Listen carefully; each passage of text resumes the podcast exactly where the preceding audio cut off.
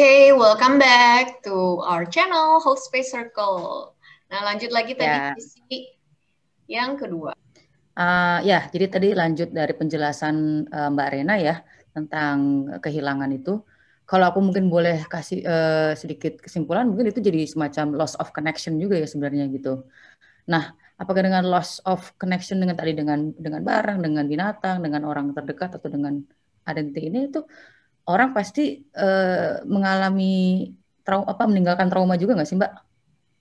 Oke, nah kalau ini sebenarnya uh, berbeda-beda sih ya, gitu. Kalau misalnya kayak uh, kedekatan emosional kita sangat uh, sangat kuat gitu dengan orang tersebut, gitu ya. Atau kayak tadi, sebenarnya kita ada apa ya? Ada satu ada satu yang belum kita kayak belum sempat melakukan sesuatu gitu ya, misalnya penyesalannya terlalu terlalu mendalam gitu. Nah itu bisa menyebabkan trauma. Tapi kalau misalnya uh, kedekatan emosional kita juga nggak begitu kuat gitu ya. Misalnya sama sama apa ya sama binatang piaraan tadi gitu ya. Kita juga uh, sayang tapi nggak terlalu sayang misalnya seperti itu. Nah itu mungkin nggak menimbulkan nggak menimbulkan trauma. Tapi kalau misalnya kita sayang banget gitu ya terus kayaknya uh, binatang piaraan kita tuh memang kayak uh, teman kita sahabat kita nah mungkin itu juga bisa menyebabkan trauma pada saat kita kehilangan gitu. Jadi memang nggak uh, selalu kehilangan itu menimbulkan trauma. Tergantung satu, misalnya hubungan kita dengan uh, dengan uh, orang tersebut atau dengan uh, dengan yang yang apa yang ingin kita hilang itu bagaimana gitu. Lalu ya tadi kita ini bisa cepat uh, apa ya bisa ada uh, lingkungan yang suportif nggak, yang kondusif nggak? Gitu. Hmm. Kalau misalnya kita semakin disalah-salahin sama lingkungan kita, ya itu udah pasti kan menambah tekanan. Nah itu bisa menjadi trauma. Akhirnya kan kita tetap jadi menyalahkan diri kita sendiri semakin kuat ya. Iya hmm. sih emang ini salah gue sih, ini karena gue sih. Nah itu akhirnya bisa menjadi trauma. Jadi karena dia melihatnya, oh ya akhirnya uh, meninggalnya uh, seseorang itu memang benar-benar karena kesalahan dia gitu sehingga itu menimbulkan trauma padahal enggak juga gitu tapi lingkungan yang ikut menyalahkan gitu menjauh akhirnya dengan dia gitu akhirnya menyebabkan trauma gitu jadi jadi kita nggak bisa bilang sama untuk semua orang. Tentunya berbeda-beda sesuai dengan ya. uh, kondisinya. Gitu. Oke. Okay. okay. Nah Mbak uh, ngomongin trauma nih sama tadi nyambung sama yang Mbak Rena bilang soal kita melakukan aktivitas-aktivitas yang positif ya pada saat kita mengalami kehilangan ini. Aku pernah lihat YouTube-nya Pak Monty Satya Dharma nih Mbak. Dia kan ahlinya art terapi ya di Indonesia hmm. gitu. Dia pernah bilang nih katanya tangan kita itu adalah penyambung antara our inner self sama outer self gitu. Makanya banyak terapi-terapi itu yang mengandalkan tangan ya kayak journaling, tapping, art terapi dan sekarang tuh yang lagi hits banget tuh horticultural terapi alias bercocok tanam. Sebenarnya sih kalau ditanya mengenai art terapi, uh, aku nggak gitu paham ya, karena emang itu kan uh, apa ya uh, ada ada pendalamannya sendiri gitu ya hmm. kalau kita mau ngambil uh, terapis sebagai uh, terapis gitu.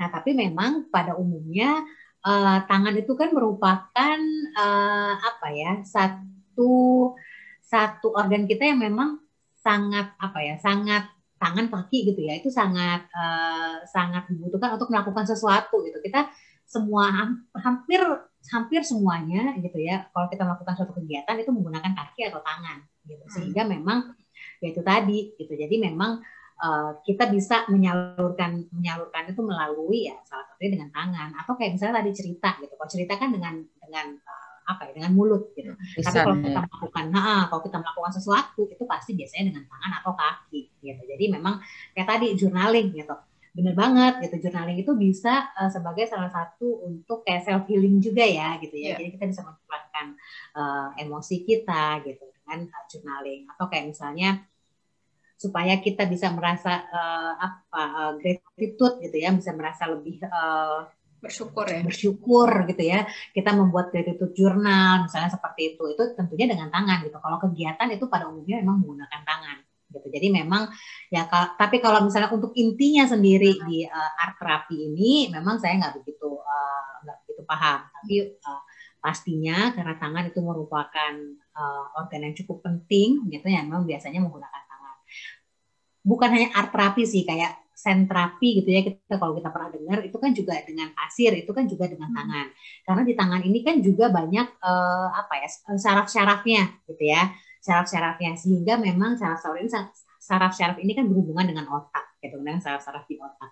Sehingga memang stimulasi stimulus di tangan uh, itu bisa um, apa ya bisa terkoneksi di otak gitu. Jadi kalau misalnya pernah dengar nggak kalau misalnya anak yang nggak bisa nulis atau tulisannya jelek itu bukan bukannya uh, diajari nulis gitu ya, tapi coba uh, dis, uh, diberikan stimulus di area tangan gitu. Supaya apa? Supaya syaraf-syaraf di sini gitu ya uh, aktif gitu sehingga saraf-saraf di otaknya pun aktif. Sehingga apa? Sehingga misalnya tangannya jadi lebih lentur gitu, terus lebih otaknya juga jadi lebih lebih aktif yang yang apa namanya? Yang akhirnya mengirimkan sinyal-sinyal untuk oh ya ini agak miring dikit, oh ya ini agak, agak halus dikit, jadi seperti itu. Karena memang banyak sekali syaraf-syaraf di tangan. Oke, kalau kalau itu kan berarti uh, eh, self healing ya buat diri sendiri gitu. Nah, kita juga pengen tahu nih Mbak, uh, gimana sih eh, caranya supaya kita tetap bisa suportif sama teman-teman atau keluarga kita yang juga sedang grieving nih. Karena karena aku juga suka bingung sih mesti gimana sama orang-orang yang lagi ngalamin kesedihan selain kayak ya udah give their time and space gitu. Hmm.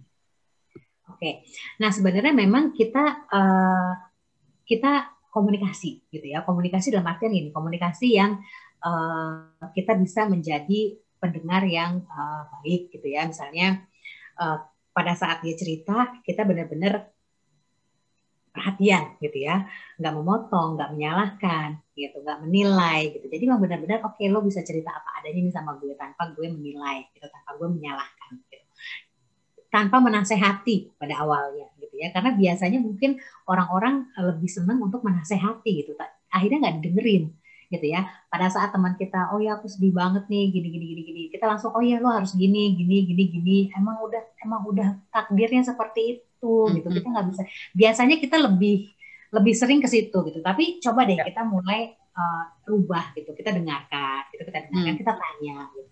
Perasaan kamu seperti apa? Gitu. Terus kita juga tanyakan uh, apa yang saya bisa bantu supaya buat kamu lebih nyaman, supaya buat kamu lebih tenang. Kadang-kadang kita nggak menanyakan itu tuh, kita ya, oke okay, kita kasih makanan gitu, padahal mungkin dia nggak mau makanan, tapi mungkin makanan, dia iya. ditemenin, nah, ditemenin jalan kaki misalnya seperti itu. Jadi coba tanya ya. aja gitu, kira-kira apa yang bisa saya lakukan nih untuk buat kamu merasa lebih lebih nyaman gitu. Kadang-kadang kita suka lupa sih nanya itu. Gitu. Iya, iya benar-benar benar. Nah, Mbak, masalahnya nih, Mbak, Ya, ada nih sebagian orang yang mungkin kayak enggan ya untuk membicarakan emosinya, bahkan memilih untuk tidak merasakan emosinya sama sekali. Nah, Mbak, gimana nih Mbak komennya kalau ada yang seperti ini, Mbak? Oke, sebenarnya kalau misalnya dia memilih untuk tidak merasakan gitu ya atau menekan, yang dikhawatirkan itu adalah apakah memang dia menerima gitu ya masalahnya gitu ya atau menerima kehilangan tersebut atau enggak gitu. Itu kalau misalnya dia ternyata nggak menerima, dia pendem pendem gitu. Nah itu yang akhirnya khawatir itu akan menjadi bom waktu gitu. Maksudnya pada suatu saat itu dia akan mudah sekali tertrigger gitu. Karena banyak karena banyak beban di dalam uh, di dalam diri dia yang nggak selesai gitu. Tapi kalau misalnya dia terima gitu ya dia nggak mau membicarakannya tapi dia sudah menerima ya itu nggak apa-apa juga gitu. Karena memang mungkin ada tipe-tipe orang juga yang memang nggak mau banyak cerita gitu ya. Hmm, sehingga betul, akhirnya ya udah uh, dia lebih uh, simpan sendiri. Yang penting adalah bagaimana um, apa ya pemaknaan dia gitu terhadap kehilangan tersebut gitu kalau hmm. misalnya dia sudah menerima dia sudah memaafkan misalnya gitu ada kesalahan ya uh, kemungkinan besar tidak akan terjadi apa-apa. Tapi kalau misalnya ya itu tadi dipaksa gitu untuk ya sudah atau di, untuk ya udah dilupain aja deh gitu. Nah biasanya sakitnya tuh masih ada gitu. Biasanya tekanannya tuh masih ada. Cuma disimpan aja di dalam sama kita.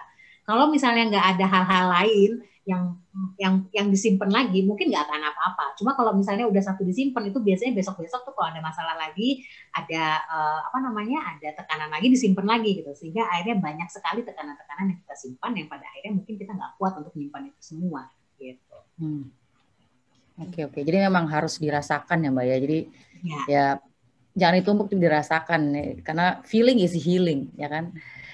Nah kita waktu zaman sekolah dulu juga hal-hal kayak gini kan nggak diajarin ya mbak di sekolah gitu karena ini menurut aku penting banget buat uh, belajar uh, bagi anak-anak di sekolah bukan hanya belajar cara perhitungan atau perkalian gitu Nah, kalau misalnya ya ya karena kita tahu ini nggak gitu diajarin di sekolah gitu ya.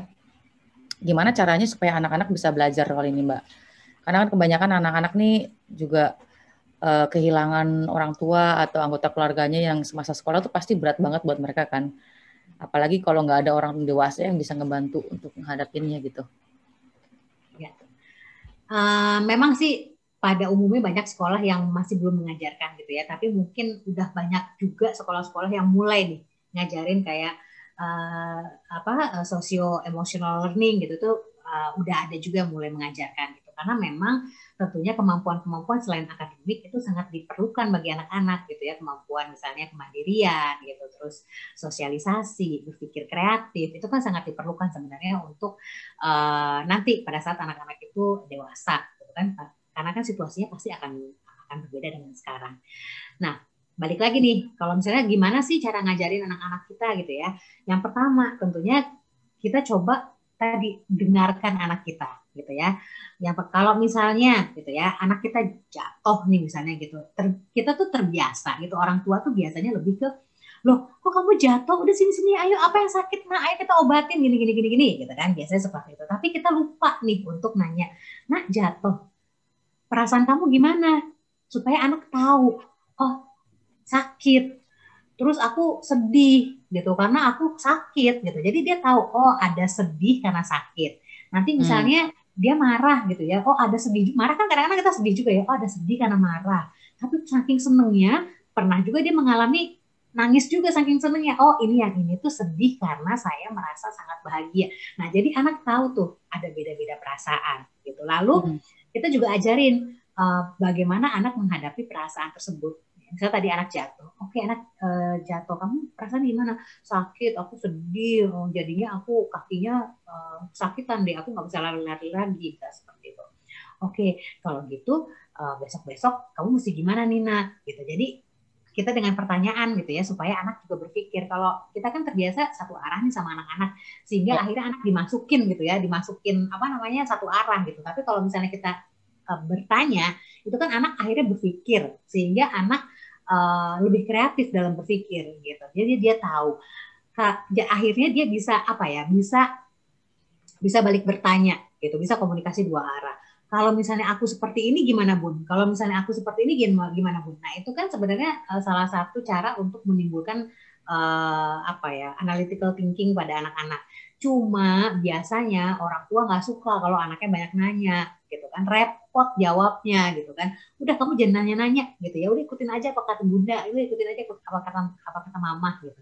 Nah sebenarnya dengan kita melakukan hal itu, itu sebenarnya mm, apa ya, menutup pintu kreativitas anak gitu. Jadi itu tuh yang harus yang harus diajarkan gitu. Jadi uh, mendengar aktif juga gitu ya, memahami dari sisi anak gitu, Me, apa ya, memuaskan rasa ingin tahu anak gitu. Lalu banyak bertanya gitu. Bukannya banyak memberi nasihat, tapi kita banyak bertanya, banyak diskusi sehingga anak terbiasa untuk uh, berpikir gitu. Lalu juga jangan uh, ini membiarkan anak untuk mandiri gitu dan berani gitu. Kadang kalau sekarang kan kalau saya lihat misalnya nih anak nggak bawa PR gitu ya terus orang tua langsung oh ya dengan dengan kemudahan uh, apa ya mengantarkan sesuatu sekarang gitu ya tinggal pakai uh, aplikasi langsung bisa ada yang nganterin ke sekolah gitu ya.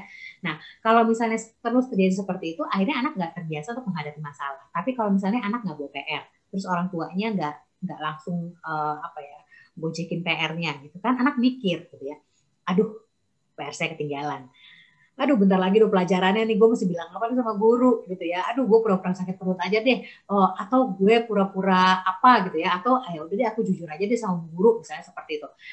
Kalau kita biarkan anak seperti itu anak akan berpikir kan anak akan terbiasa untuk oke okay, ada konflik ada masalah saya harus bagaimana nih? Gitu. Tapi kalau misalnya setiap ada konflik pasti orang tuanya bantu pasti orang tuanya yang selesaiin akhirnya anak nggak akan terbiasa untuk menghadapi tekanan gitu. Yang ada ya itu tadi pada saat kuliah misalnya gitu ya, yang orang tuanya itu nggak bisa ikut campur lagi pada saat ada masalah itu biasanya ya udah anak akhirnya apa nggak ngelanjutin kuliah misalnya atau ya udah nggak ketemu ketemu dosennya gitu misalnya atau ya akhirnya itu depresi karena anak nggak bisa menyelesaikan uh, konflik di uh, kuliahnya misalnya seperti itu. Oke jadi uh, sebenarnya uh, feeling and witnessing our grief itu important ya mbak ya aku jadi ingat salah satu quote tentang grief dari Leo Tolstoy. Uh, dia bilang gini, only people who are capable of loving strongly can also suffer great sorrow. But this same necessity of loving uh, serve to counteract their grief and heals them. Wow, powerful. Yeah. So anyway, sekian topik dari kita kali ini. Terima kasih sekali lagi buat Mbak Rena yang udah mau share ya, insight-nya mengenai grief atau kesedihan mendalam ini. Uh, nah, buat yeah yang bisa relate sama topik ini atau ada usulan topik lain atau bahkan tertarik untuk sharing di YouTube channel kita, bisa kontak kita atau leave a comment di bawah, bawah sini. Atau email kita ke holdspace.circle@gmail.com sama kontak di Instagram account kita Holdspace Circle. Kalian juga bisa dengerin video kita ini di podcast di Spotify, nama accountnya juga sama Holdspace Circle. Thank you, bye. Yeah. Thank you. Bye.